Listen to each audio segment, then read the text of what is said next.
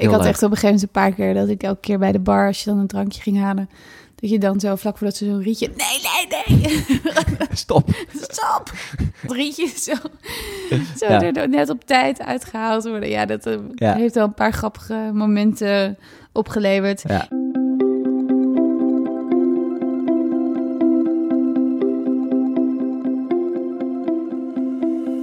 Dit is Het Groene Hart van. De podcast van Happiness and Growth Thinkers, waarin we op zoek gaan naar het groene hart van onze gasten. Een gesprek met Hanna Verboom, filmmaker en sociaal ondernemer. Over hoe ze haar jeugd in Afrika verbindt met de westerse wereld, wat ze geleerd heeft van het plastic dieet en hoe duurzaam ze zelf leeft. Ik zit hier bij Hanna Verboom thuis. Dit keer niet op de Happiness redactie, maar eh, thuis bij Hanna. Hier, dankjewel dat we Welkom. hier mochten zijn. Heel gezellig. Eh, Hanna Verboom, jouw groene hart. eh, je bent daar wel ook steeds meer mee bezig met duurzaamheid. Waar komt het vandaan? Waar is het een beetje begonnen bij jou? Ja, dat is grappig. Dat is wel iets wat ik mezelf. eh, die vraag heb ik mezelf ook laatst tijd een paar keer gesteld. Ik denk, ik denk dat het toch wel te maken heeft uiteindelijk ook met mijn, eh, met mijn jeugd, met mijn opgroeien in, eh, in, in Afrika, in landen als Kenia, Oeganda en Soudaan. Ehm, waardoor ik op vrij jonge leeftijd al heel erg bewust was van, eh, ja, van, eigenlijk, van, van de wereld waar we leven. En met name ook de verschillen die er zijn. Dus verschillen, verschillen op eh, in het gebied eh, van, van mogelijkheden. Dus gewoon de mogelijkheden die mijn vriendjes en vriendinnetjes in Nederland hadden... en de mogelijkheden die mijn vriendjes en vriendinnetjes hadden in, in Kenia. Ja. Ehm, maar ook de, ja, de wereld om, om ons heen en, en de natuur. Waar, wij groeiden heel erg op midden in een heel mooi tegengebied in Kenia. Ehm, wij eh, gingen, als we vrij hadden, gingen we naar de Masai Mara. Zaten tussen de dieren. Gingen kamperen en werd je 's ochtends wakker geschud door het gestamp van olifanten... die dan om het tentenkamp heen liepen. Dus wij groeiden echt op in de natuur. En ja, wat latere leeftijd ben ik dan terug naar Nederland verhuisd. Ben ik ook gaan acteren en dan kom je in een hele andere wereld. En ik denk meteen dat dat ook hetgeen is wat mij drijft om die twee werelden te verbinden. Ja. Mooi, ja. Want leg even uit waarom je dan in Afrika bent geboren en of in ieder geval daar bent opgegroeid. Hoe, hoe kwam dat zo? Ja, mijn ouders eh, hebben ontwikkelingswerk gedaan. Dus mijn vader is landbouwkundige. Hij is- heeft in Wageningen gestudeerd. En eh, die zijn, toen ik vijf maanden oud was, zijn ze met de overland trucks naar Soudaan, Khartoum, gereden om eh, daar mee te helpen. Toen eh, zijn ze gevlucht vanwege de burgeroorlog. Ehm, en eh, vervolgens eh, een paar jaar later eh, neergestreken in Kenia. Oké. Ja, en daar heb, tot wanneer heb je daar dan gezeten in Afrika? Tot hoe oud was je toen je naar Nederland? Ik heb er gewoond tot mijn twaalfde. Dus mijn ouders hebben een, eh, een ziekenhuis opgezet in, eh, in Kenia, in een klein dorpje. En later heeft mijn vader eh, aan een universiteit gewerkt en met name allemaal landbouwkundige projecten ook opgezet. Oké. En toen Ja. ik 12 jaar, met 12 jaar teruggegaan. Beschrijf dan eens even die Hanna die dan eigenlijk het hele Afrika gewend is. Hè, de cultuur, eh, de natuur. En ineens in Nederland komt. Of in ieder geval hier. eh, Wat, ja, hoe beschrijf dat eens? Wat ging daar allemaal... Wat gebeurde er allemaal in jou? Ja, dat is heel. Dat echt pas op een latere leeftijd realiseer, ik- ben ik me gaan realiseren hoeveel impact dat heeft gehad. Ja. Ehm, als je zo jong bent, dan ben je vooral bezig met hoe verhoud ik me tot de nieuwe wereld waar ik in zit. Weet je wel, ik ging voor het eerst, ik heb altijd thuisscholing gehad. Op mijn twaalfde ging ik voor het eerst naar de middelbare school. Nou ja, dan ben je vooral bezig met, vindt iedereen me wel leuk? En ben ik niet een rare eend in de bijt? Want dat ben je toch wel natuurlijk. Ja, Ik sprak gebrekkig eh, Nederlands. Ik ben grotendeels natuurlijk Engels opgevoed of opgegroeid. Ehm, dus ik denk wel, dat was heel... eh, ja, als ik daar, daarop terugkijk, dan denk ik... Ja, ik, zat, ik leefde echt een beetje in twee werelden. Enerzijds eh, in de natuur en in, in, in, in, in Afrika... ehm, weet je, in Kenia, ja, wij deden niks anders dan hutten bouwen en... eh eh chameleons. We hadden een chameleonverzameling. Weet je, elke keer als we een chameleon ergens vonden, dan gingen we die soort van opvoeden. dat, een beetje, dat waren de dingen waar we mee bezig waren. We hadden geen televisie. Ik ging niet, ik had thuisscholing, ik ging niet naar school. Ik wist niet wat het concept was van roddelen of weet je, al, dat soort dingen. Ik had nooit een vriendje gehad, dus ik was wat dat betreft echt een beetje een, eh, ja, een vreemde eend in de bijt. ja. Vandaag hoorde ik een verhaal van een man en die eh, vertelde over een vrouw die op een gegeven moment in Bagdad eh, zat. Toen echt het gebombardeerd werd. Echt Rotterdam, Tweede Wereldoorlog. En eh, alles was op een gegeven moment eh, daar in die zone was alles gewoon weg. Dus geen telefoons, qua infrastructuur was het helemaal, eh, was het helemaal shut down, zeg maar. En ja, natuurlijk, ze verzorgden de mensen die, waren, die gewond waren door, het, door, door de bombardementen. En ze probeerden nou, gewoon zo, zo met elkaar te leven. En barbecues maakten ze en dat vertelde je. En zij zei echt oprecht, dat was de gelukkigste periode uit mijn hele leven. Ja. Ja, mooi. Ik moet daar een beetje aan denken nu, nu ik jou dat verhaal hoor vertellen. Heb je dat, dat je wel eens denkt van wauw, die, die kindertijd waarin ik dus eigenlijk alleen maar bezig was met de natuur, met de mensen om me heen. Ehm, eh, dat je daar nu misschien nog als mens nog naar verlangt. Dat je zo wilt leven. Dus minder en minder met social media, minder met technologie, minder eh, met carrière, succes, noem het allemaal maar op. Absoluut. Ja, absoluut. Kijk, ik bedoel, dit is natuurlijk wel eh, ja, een kleine 30 jaar geleden. Dus dat, eh, dat Hmm. is wel. Daar kijk, ik kijk je sowieso anders op terug omdat je kindertijd is. Maar ik, ik heb een tijdje gehad dat ik in LA woonde. Ehm, ik was daar voor eh, pilot season, een seizoen waar, waar alle audities worden opgenomen. En toen was er net een staking van de schrijvers, dus er was eigenlijk helemaal niks te doen. Toen dacht ik, oké, wat kan ik doen? Ik zit hier drie maanden, ik heb met jou betaald, ik zit hier, ik moet iets gaan doen. Ehm, en toen ben ik gaan werken bij. ehm, er is een gebied in, in Los Angeles waar alleen maar daklozen wonen. Dat heet Skid Row. Dat is nu bijna opgedoekt, omdat ze heel downtown LA aan het verbouwen zijn. Maar toen de tijd was het echt een paar vierkante kilometers, zeg maar. En daar was alleen maar daklozen, mensen met psychische problemen, mensen met drugsproblemen enzovoort. Hm. En daar ben ik vrijwilligerswerk gaan doen, drie maanden lang. En dat was een soort van, ja, ik, ik moet daaraan denken. Ik bedoel, Het is natuurlijk niet Bagdad, maar het was wel een soort van ground zero. Als in dat het zo'n zo'n enorme armoede en, en mensen met echt helemaal geen uitzicht. En dan ben je daar binnen aan het werken drie maanden lang. En je vergeet zo volledig alle dingen waar je normaal druk om kan maken. Waardoor het voor mij ook, eh, ik herken dat. Dus voor mij was het ook echt een van de gelukkigste periodes in mijn leven toen ik daar werkte. En het Ja. enige wat belangrijk was, was hoe je contact kon maken met mensen en hoe je hun kon helpen. eh, Ja. Op welke manier dan ook. Dus, dus absoluut. Ik bedoel, op het moment dat het minder om ons gaat, of het nou gaat door, doordat een noodsituatie is, zoals je net omschrijft, of, of doordat je juist een, eh, een, eh, ja, bepaalde tijd allokeert om echt met anderen bezig te zijn. Mhm. Gek genoeg zijn dat de momenten dat je het gelukkigst bent. Ja, want je helpt direct, je haalt daar voldoening uit. Ja, Ja. ja. volledig. Ja. Ja. Tof, vertel nog eens over de, ook over Palais, het, eh, het, het, het modemerk. Want daar hebben we elkaar voor het eerst eigenlijk ontmoet. ja.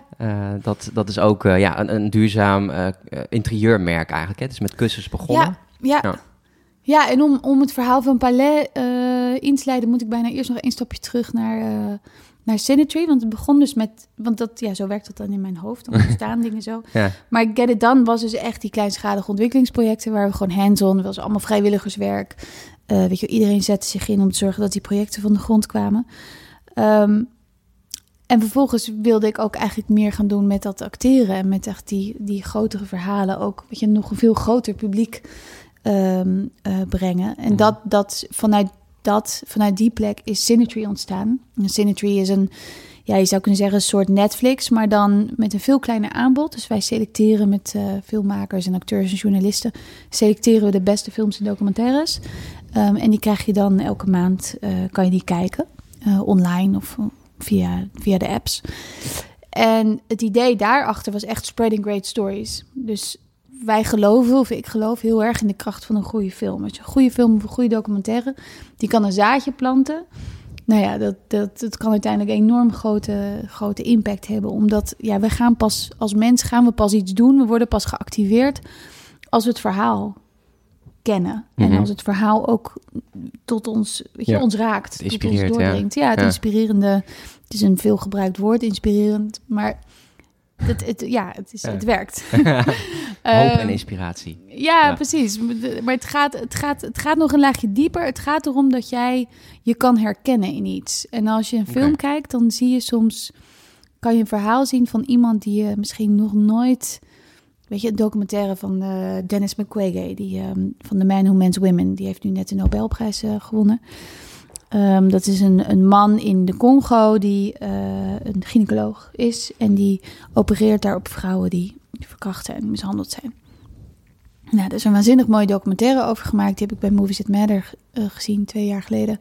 Drie jaar geleden. En die uh, staat nu ook op Cinetree.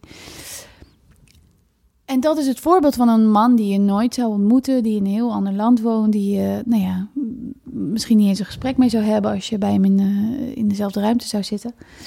En, um, maar dan hoor je zijn verhaal, dan word je meegenomen met zijn verhaal. En ja, dat raakt zo enorm. En niet alleen maar omdat, omdat het een ontzettend indrukwekkend verhaal is, maar ook omdat de manier waarop het verteld wordt ertoe kan leiden dat je denkt, dat had mijn dochter kunnen zijn. Of dat had mijn zus kunnen zijn. Dat had, had ik kunnen zijn. Hmm. Um, en dat is nog veel meer dan inspirerend. Want dat, dat, dan gaat het een soort van laagje dieper... wat zo erg kan leiden tot activatie. Ja. En dat soort verhalen, daar, um, ja, daar geloof ik heel erg in. En, Ja. en dat is ook wel het doel van Cinetree... om naast gewoon een hele goede programmering... met echt de allerbeste films...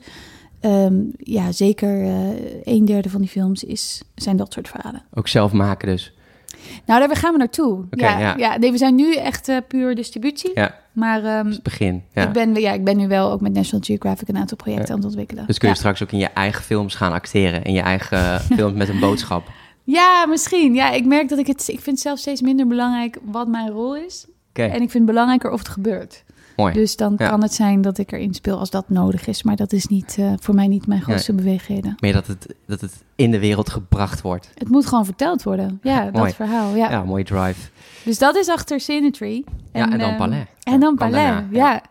Nou ja, Palais is ehm, ook wel op een mooie manier ontstaan. Dat is, eh, m- mijn compagnons zijn eh, Petra van Roon en Michiel van Heusden. En ehm, wat ik heel erg merkte met wat ik doe met, met, met Get It Done, maar ook met Cinetree, is oké, je hebt de waanzinnige projecten, er gebeuren hele mooie dingen. Je hebt de films, nou, die, daar worden mensen inderdaad door geïnspireerd. Maar what, what's the next step? Weet je, als je een ehm, documentaire hebt over duurzaamheid of eh, over weet je, wel, het effect wat onze kleren uiteindelijk hebben eh, down the line, dan wil je eigenlijk komen met een alternatief. Mhm. En daarin eh, ja, was ik eigenlijk al een tijdje, al een aantal het nadenken van... Oh, ik zou het wel heel tof vinden om op een bepaalde manier ook iets meer te weten... eh, f- te krijgen van eh, gewoon productontwikkeling en dan met name eh, duurzame producten. Dus hoe kunnen we zorgen dat er, los van dat we al die awareness creëren... dat er ook gewoon echt innovatie is en dat er, ehm, dat er alternatieven komen... En wat je, ja, tot twee jaar terug had je wel alternatieven, maar dat was allemaal een beetje, ja, geitenwolle sokken, zeg maar, with all Mhm. due respect. Ehm, en wat wij wilden met, met Palais, we zijn allemaal, zeker Petra en ik, zijn echt eh, ook best wel estheten, zeg maar. Dus wij, wij wilden echt een absoluut mooi luxe product, waar geen compromis in, eh, in wordt ge- gemaakt. Mhm. Maar wat wel dus volledig eh, sustainable ontwikkeld wordt. En voor Ja. ons gaat sustainability over twee vlakken. Dus het gaat enerzijds over het productieproces. ehm, eh, dat dat eh, nou ja, volledig eh, duurzaam is. En er zijn allemaal certificaten voor. En onze producten zijn gold gecertificeerd. Wat het hoogste certificaat is voor textiel. Ja. Maar het gaat ook over hoe de mensen die allemaal werken aan het product... Worden die goed betaald? Hebben die goede werkomstandigheden? Hoe zijn de fabrieken? Hoe zijn de... Dus dat je dat hele, hele productieproces van A tot Z in kaart brengt. Ehm, en dat dat eh, zowel voor milieu als voor dus de mensen die eraan werken, dat dat klopt. Ja. En dat was, dat was de basis eh, van Palais. Dus Sustainable Luxury, een luxe label, een lifestyle merk. ehm, maar wat wel aan de achterkant helemaal klopt. Hoe duurzaam leef je zelf? Hm. Ehm, nou ja, ik heb grappig. Ik heb eh, afgelopen maand heb ik meegedaan aan plastic dieet. Ja, Ehm, ik ook. Ja, ja, ja. Gaan we het zo gek. over hebben? Ja. Oké, leuk, leuk, leuk. Nou ja. Ja. dat was voor mij wel even een... ehm, ik, ben, ik ben er veel mee bezig. Ik bedoel, dat, dat, laat dat voorop staan. Ik ben door, eh, op een gegeven moment door National Geographic gevraagd... om een series interviews te maken met, eh, of, of met verschillende initiatiefnemers rondom de plastic soep. Mhm. En daardoor ben ik eigenlijk een beetje in dat onderwerp gedoken. En, en ik was altijd vooral eigenlijk humanitair bezig. Weet je, met Get It Done was vooral humanitaire projecten. En ik dacht, heel mooi en belangrijk duurzaamheid, maar het is niet... Ik zit gewoon meer in deze hoek en laat dat andere mensen doen. Maar toen, door dat programma met National Geographic... ben ik gewoon steeds wel meer ingedoken. En ja, uiteindelijk, of het nou humanitair is of duurzaamheid, het heeft allemaal zo erg met elkaar te maken. Weet je, je kan het ook weer niet echt helemaal los van elkaar zien. Dus dat was wel voor mij een, Ja. eh, een soort eye-opener. Dat ik dacht: oké, dit is wel echt een, pro- een probleem wat wij hier in Nederland echt een groot verschil in kunnen maken. Ja. Ehm, en daar wil ik me dan ook echt voor, eh, voor inzetten. Ja. Ehm, Welke stappen heb je gezet op dat vlak? nou ja, het, het begon gewoon met content maken. Dus het begon met, met die interviewserie. Ja. Ehm, ik ben meegeweest met By the Ocean We Unite, wat een eh, organisatie is die de zee op gaat en eh, ook onderzoek doet naar microplastics. Daar heb ik een documentaire geschoten die ik nu aan het editen ben. Dus ja, puur vanuit mijn talent, zeg maar, wat ik kan, daarin bijdragen. En dat gaat om content maken. Ja. Maar ik ben ook natuurlijk veel bewuster eh, met ja, de plastic die je zelf zeg maar eh, gebruikt. En dat is heel basis, basic, basic, gewoon wegwerpplastic mij, Mhm. vermijden. Weet je wel? Ja. Gewoon de, ja, de, de basisdingen, plastic tasjes, de plastic flesjes, de ehm eh, wattenstaafjes. Weet je, gewoon allemaal dat soort dingen die, eh, waarvan je weet, ja, dat duurt gewoon 400 jaar voordat het afbreekt. En ik gebruik het max 20 minuten. Ja. I don't need it. Weet je. Dus daar Ja. gewoon, ja, je wegwer, je hervulbare flesjes. Gewoon de hele basisdingen. Ja.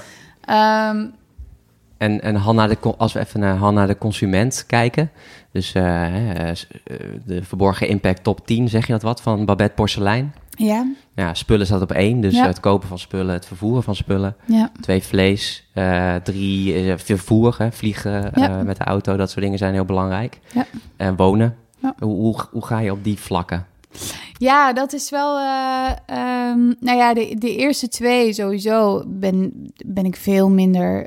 Dat is ook als je daarin duikt en je realiseert je inderdaad de, de enorme impact van consumeren. Weet je, het slaat Mhm. nergens op wat wij allemaal kopen en hoe. Het, is gewoon zo onnodig. Maar ja, het is een, een consumptiemaatschappij. Weet je, het is het, Mhm. het kapitalisme, het is het individualisme. Ja, dat is allemaal. Een deel van ons rijkdom is natuurlijk gebouwd op het consumeren. Ehm, maar voor mij is dat wel, ja, de afgelopen jaren koop ik gewoon veel minder. Dus dat hele, ik weet nog wel dat ik vroeger, toen ik, ik veel, 24 was, dat je dan, nou ja, dan ging je naar een grote modeketen en dan was je er trots op als je voor eh, 50 euro eh, 20 eh, shirtjes kon kopen, bij wijze van spreken. Nou ja, dat is nu, kan je dan niet eens meer, weet je, kan je niet eens meer eh, voorstellen. Ik bedoel, ik koop eigenlijk bijna alleen nog maar bij duurzame merken en Mhm. dus dat zijn wel bewuste dingen die, eh, die, er, eh, die er nu in zitten. Ja, dus Ehm, daar kijk je kritisch naar, naar ja, de, duurzame het, merken. gaat wel, het gaat wel over een stukje Bewustzijn. bewustzijn. En ik ben me er bewust van, dus dan handel ik daar absoluut naar. Ehm, vlees is natuurlijk een heel goed voorbeeld. Nou, ik ben niet, ik, zal, ik ben niet, hoe zeg het?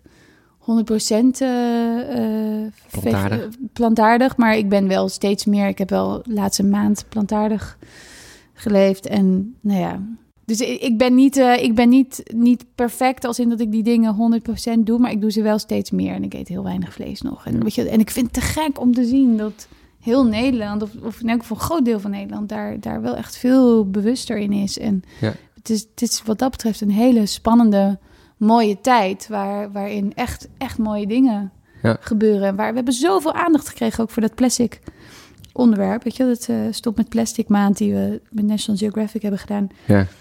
Dat was te gek, weet je wel? Dat iedereen reageerde daar zo goed op, omdat het gewoon heel concreet is. Het is heel iets ja, concreet wat, wat jij en ik kunnen doen. Ja. Ehm, en wat uiteindelijk niet zozeer alleen gaat over plastic, het gaat over consumeren. Weet je, plastic is een symbool voor het grotere probleem wat, wat die eh, consumptiemaatschappij is eigenlijk. Ja, je, je reist ook graag. Hè? Je, je, Ja. je schuurt dat, dat vele vliegen. eh, Nou ja, dat is eigenlijk een soort van nieuw onderwerp wat, ehm, wat, waarvan ik voel dat die, die komt er natuurlijk gewoon aan. Ik bedoel, het kan niet anders dat over tien jaar dat iedereen denkt, ja, waar slaat het op dat we toen zoveel hebben gevlogen? Ja. Ik vind dat moeilijk. Ik reis veel. Ik eh, hou heel veel van reizen. Ik heb veel projecten in, eh, in Afrika. Ehm, mijn vriend werkt in Afrika. Dus weet je, dat, dat is nog wel echt wel een lastige. En dat Ja. compenseer je dan natuurlijk zoveel mogelijk op allerlei manieren. mhm. Maar dat is wel een, een, een onderwerp die, eh, ja, wat, wat eigenlijk nog maar nog nauwelijks belicht wordt. Nee. En je kunt Ehm. natuurlijk, en je kunt eh, de impact die je maakt, kun je ergens natuurlijk weer heel erg compenseren of juist heel erg eh, misschien wel verdrievoudigen, bij wijze van spreken, met positieve impact. Ja. Zie jij het dan ook zo? Is dat zoals het in je hoofd dan gaat? Want ja, ik bedoel, je zult er ook wel over nadenken als je dat vliegtuig instapt van, ja, is niet zo heel erg duurzaam, maar ik, ja, hoe gaat dat in, in het hoofd van Hanna, zo'n eh chit-chat? Ja, ik, ik, ik vind het heel belangrijk om de dingen niet helemaal plat te slaan. Omdat als je het helemaal gaat... Weet je, dan, ja, dan wordt het een... Ik had la, la, las laatst een goed artikel in... eh, volgens mij de correspondent hierover. Ehm, dan, dan doe je het eigenlijk nooit goed. Weet je, dan zal je het nooit goed doen. En er is altijd wel iets wat je... Nou ja, dan is het nu inderdaad vliegen, weet je wel. Dan, nou ja, dan heb je eindelijk alles... eh, gesorteerd en gerecycled en weet je geen vlees meer. En dan mag je dus, doe je weer iets niet goed en dan is het Ja. vliegen. Ecorexia. Dus je, je, ja, je, je hebt zoveel... la- Ja, je- het kan nooit genoeg zijn, waardoor je eigenlijk ook niet geniet van het leven. Nee, precies. Dus ik, dat, dat vind ik heel belangrijk om dat niet te doen. En eh, ik eh, pretendeer ook zeker niet dat ik, eh, dat ik het allemaal goed doe. Ik bedoel, ik, het zijn ook gewoon kleine stapjes. En ik denk dat we als maatschappij... Kijk, wat ik heel interessant vind, ik zit met verschillende grote bedrijven ook aan tafel. En dan weet je, hoor je wat, hun, wat de stappen zijn die zij gaan zetten naar een circulaire wereld. Wat, weet Mhm. je, wat, de, wat zijn de stappen op het gebied van afvalverwerking, slipverbranding. Weet je, al dat soort.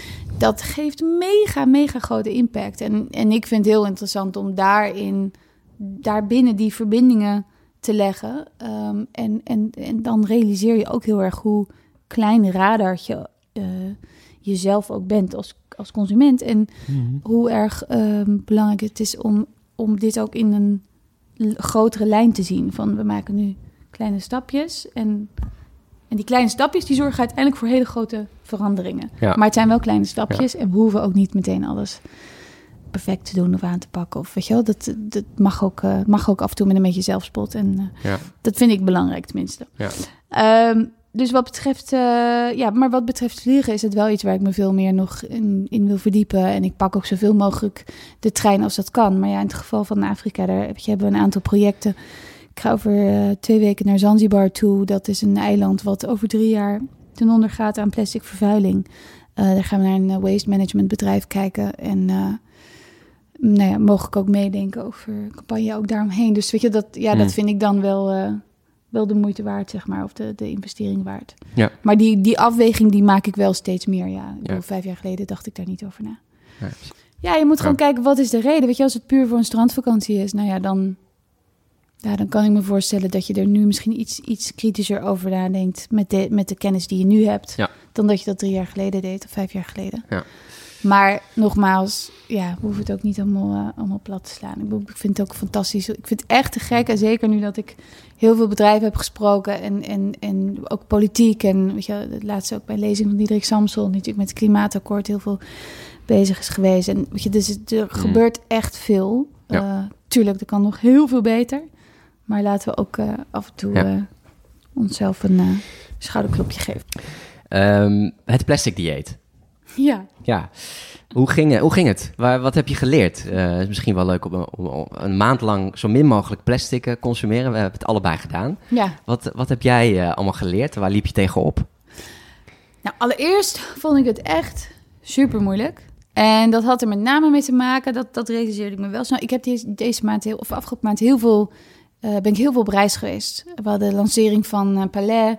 Eh, we, hadden een, ehm, we waren in, eh, in Parijs bij eh, de beurs, grote interieurbeurs, ehm Maison et Objet. Objet? Objet? Pff, Frans.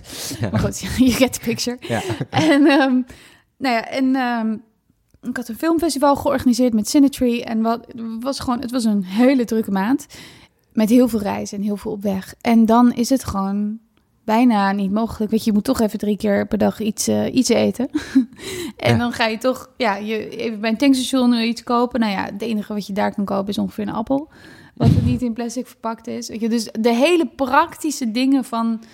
eh, hoe zorg ik dat, ik dat ik gewoon eet terwijl ik heel druk ben en de hele tijd op reis ben, Ja. zonder plastic te gebruiken? Dat was gewoon eigenlijk onmogelijk. Ja. Ja. tenzij, en dat deed ik op een gegeven moment wel, je dus gewoon elke ochtend heel vroeg opstaat, je Tupperware bakje klaarmaakt, ehm, en, en dat, dus dat, dat is een beetje wat er op een gegeven moment ben ik dat natuurlijk wel gaan doen. En ik had sowieso allemaal altijd mijn dopper en mijn tas. En weet je, dus dat, dat zat op zich wel goed. Maar je merkt toch in, in de kleine dingen, met name ook als je met een team bezig bent. En je met, bent, je moet even eten halen voor het team. Of je moet, uh, bijvoorbeeld met het filmfestival, weet je, werkte met de Hermitage, hadden we buitenbarren. Nou ja, sommige dingen zijn dan wel met glas, maar sommige dingen zijn ook weer met plastic. Dus het zit overal. Mhm. en dat was voor mij vooral, ik wil, ja, je weet het wel, maar pas als je er focus op legt, dan zie je het echt. Hmm. En dat was, eh, dat was voor mij de grootste uitdaging. Dat ik dacht, oh ja, je, het heeft gewoon veel meer tijd en aandacht nodig Ja. ehm, om, eh, om, om, om, om ja, plastic, wegwerpplastic te reduceren. Mhm. Je hebt het gewoon niet door. Ja. Ja, ik, had wat, ik moest nou denken aan het moment dat ik inderdaad... In het begin van het plastic dieet, dat eh, was mooi weer. En eh, nou, we hadden een ijsje gehaald. En eh, ik had heel, eh, zo heel trots op Instagram gezet. Nou, is een eh, vegan eh, sorbet ijsje. Weet je wel, lekker genieten. En daarna zag ik die foto weer. En toen dacht ik, kijk, dat zat in een plastic bakje. En ik ben net begonnen met mijn plastic dieet. Jeetje, ik ga nu al de mist in, wat erg. En toen eh, dacht ik, ja, ik moet die foto verwijderen. Als ik die foto verwijder, dacht ik, nee, dat moet ik juist niet doen. Want ik moet vooral laten zien waar ik ook tegenop eh liep. Dus ik Ja. was echt aan het begin.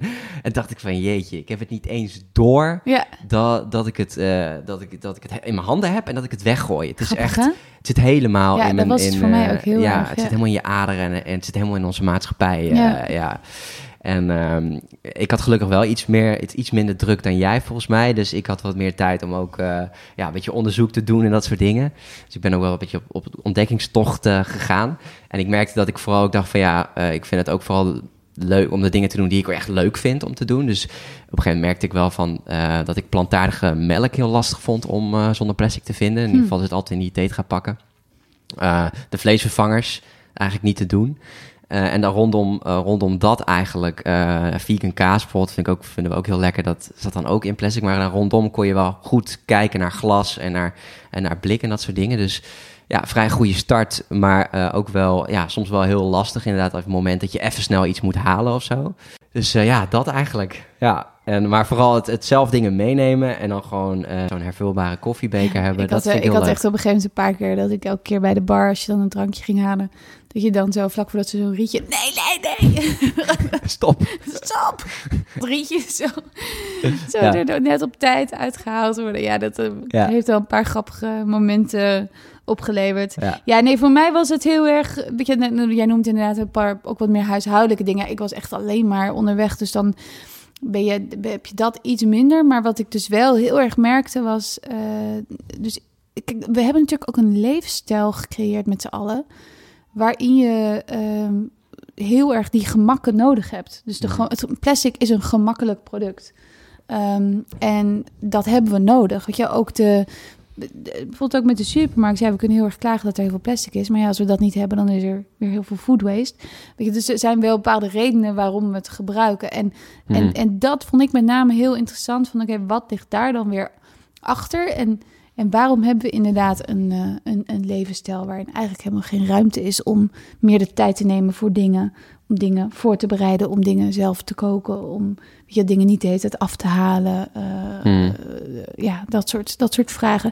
Dat vond ik heel ehm, interessant om Ja. daar gewoon in mijn eigen leven over na te denken. Dat je, oké, ik ben sociaal ondernemer, ik ben met al deze dingen bezig. Maar ik heb nauwelijks tijd om, weet je, bij wijze van spreken mijn eigen lunch klaar te maken in de ochtend. Of, of om. Ja. Je, je bent gewoon eigenlijk de hele tijd on the go. Ja. Dus dat was Ja. een, was een heel, ehm, heel goed punt voor, of belangrijk punt voor mij om te realiseren. En, en daarnaast, ja, ik, ik zei het net al een beetje, maar de, het, voor mij de, de, het inzicht dat plastic eigenlijk een symbool is voor iets veel groters. En dat is eh, echt die, die, die consumptiemaatschappij, waarin Mhm. het dus ook weer in het verlengde van het, van het gewoon gemak. Weet je wel, gewoon de hele tijd maar kopen. Oh, mijn, mijn schoenen zijn kapot, ik koop nieuwe schoenen. In plaats van ik ze even naar de schoenenmaker breng en ze... Of weet je wel, gewoon de hele tijd maar kopen is zo'n ja, normaal ding geworden. eh of al heel lang natuurlijk, maar... Ja.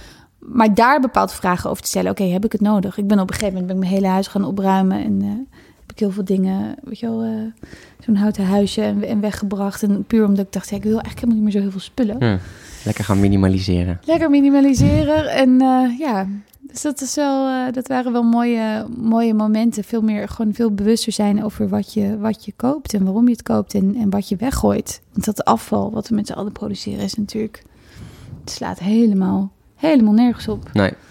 En dat vond ik wel shocking hoor, als je dan die cijfers hoort. En ik ben ook bij zo'n slipverbrandingsinstallatie geweest in Dordrecht, waar dan afvalverwerking en dan vertellen ze daarover. En dan, nou ja, volgens mij is het echt een aantal liter slip per dag per persoon. Weet je wel, dat je echt denkt, pff, het is gigantisch. Ja. En, eh, en dat moet dan allemaal weer verbrand worden. En nou ja, dus dat, de impact is, is, eh, is, is heel groot. En de keuzes, de, de kleine, relatief simpele keuzes die we kunnen maken om daar in, eh, verandering in te brengen, die zijn, eh, die zijn eigenlijk helemaal niet zo moeilijk. Ja. Is er nog iets wat, wat van jouw groene ha- hart af moet? Iets wat je nog zou willen zeggen tegen hij of zij die nu luistert?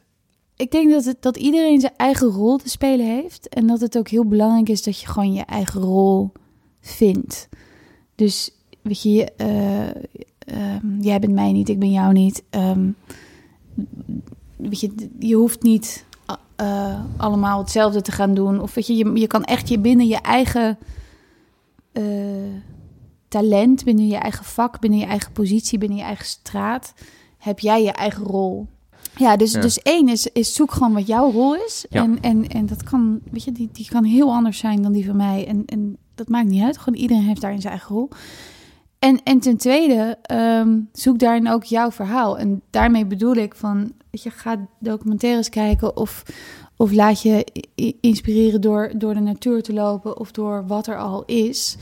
Waardoor iets ook echt in je, eh, jouw verhaal wordt, zeg maar. Dus Mhm. als, als ik een, ja, sommige documentaires die ik heb gekeken, ja, die laten mij nooit meer los, weet je. En die, en die zorgen, die, die heb je gewoon in je hoofd. En dat activeert jou om, Ja. om volgens jouw rol in te gaan nemen. Dus jouw verhaal en jouw rol, dat zijn twee cruciale dingen. En als je die kan vinden, en daarin dus ook, dat geldt voor iedereen. Voor iedereen is dat ook weer anders. Ehm, dat, is, dat is heel belangrijk. Want het moet, het moet altijd, of moet, mag vanuit een intrinsieke motivatie komen. En als het niet vanuit een intrinsieke motivatie ko- komt, dan, dan, gaan we het ook niet, dan gaat het ook niet lukken. Het is Ja. wel een grote uitdaging. Maar als we met z'n allen die uitdaging aangaan vanuit, vanuit jouw persoonlijke motivatie, jouw persoonlijke rol en verhaal, Ja. dan, eh, dan wordt het alleen maar een heel leuk avontuur. Vind ik een hele mooie, ja. Your internal life is everything. Is wat er van, vanochtend bij mij heel erg bij is gebleven. Ja, Dat wat er in jou eh, speelt, dat is eigenlijk alles. Ja. Wat er intern, inward gebeurt. Ja. Ja. Absoluut. Absoluut. En, en, en, dat, en dat is ook wel weer. ehm, ja, je had het, we begonnen dit gesprek met. eh, ehm, de, de, de- of je gelukkigste tijd was ook een tijd waarin je, waarin je niet met jezelf bezig was, zeg maar. Omdat het. eh, Mm. Ehm, en en dat, is, dat is natuurlijk ook wel met die internal life heel erg. Eh, op het moment dat jij vanuit dankbaarheid of vanuit, weet je, meer kijkt van alle dingen die er al gebeuren, daarop bericht, dan zit je op een hele andere plek dan wanneer je richt op ja, de, alle dingen die er verkeerd gaan, of ook in de wereld, weet je, op het gebied van eh, klimaat en alles. Ik bedoel, ja, er, ja, we moeten aan de bak. Ik bedoel, dat staat buiten kijf. Mhm. Maar er, staan, dus er gebeuren hele mooie dingen. En, eh, en zorg daarin gewoon het, dat je vindt wat jou, wat makes you tick. En stap daarin. En ehm, ja, wat ik al zei, dan, dan wordt het gewoon een, dan wordt het een heel mooi avontuur. En dan is het ook echt onwijs leuk. Ik ben echt enorm geïnspireerd de afgelopen maanden sinds ik hiermee bezig ben. Ik vind het echt te gek. Ik kom alleen maar hele leuke mensen tegen die dit 100% vanuit hun hart en, en, en alles doen. Mhm. En eh, het, het is, het is echt een hele mooie, mooie tijd wat dat betreft. Ja. Bedankt voor dit gesprek. Jij ook. Gezellig dat jullie hier eh, bij mij thuis op bezoek zijn. Ja. Jullie ook bedankt. En eh, succes met dit mooie, deze mooie podcast. Thanks. Dit was het Groene Hart van Hanna Verboom. Ben je benieuwd naar alle links van dingen die we hebben besproken in de podcast? Ga dan naar happiness.nl slash het groene hart. Happiness.nl met een z slash het groene hart.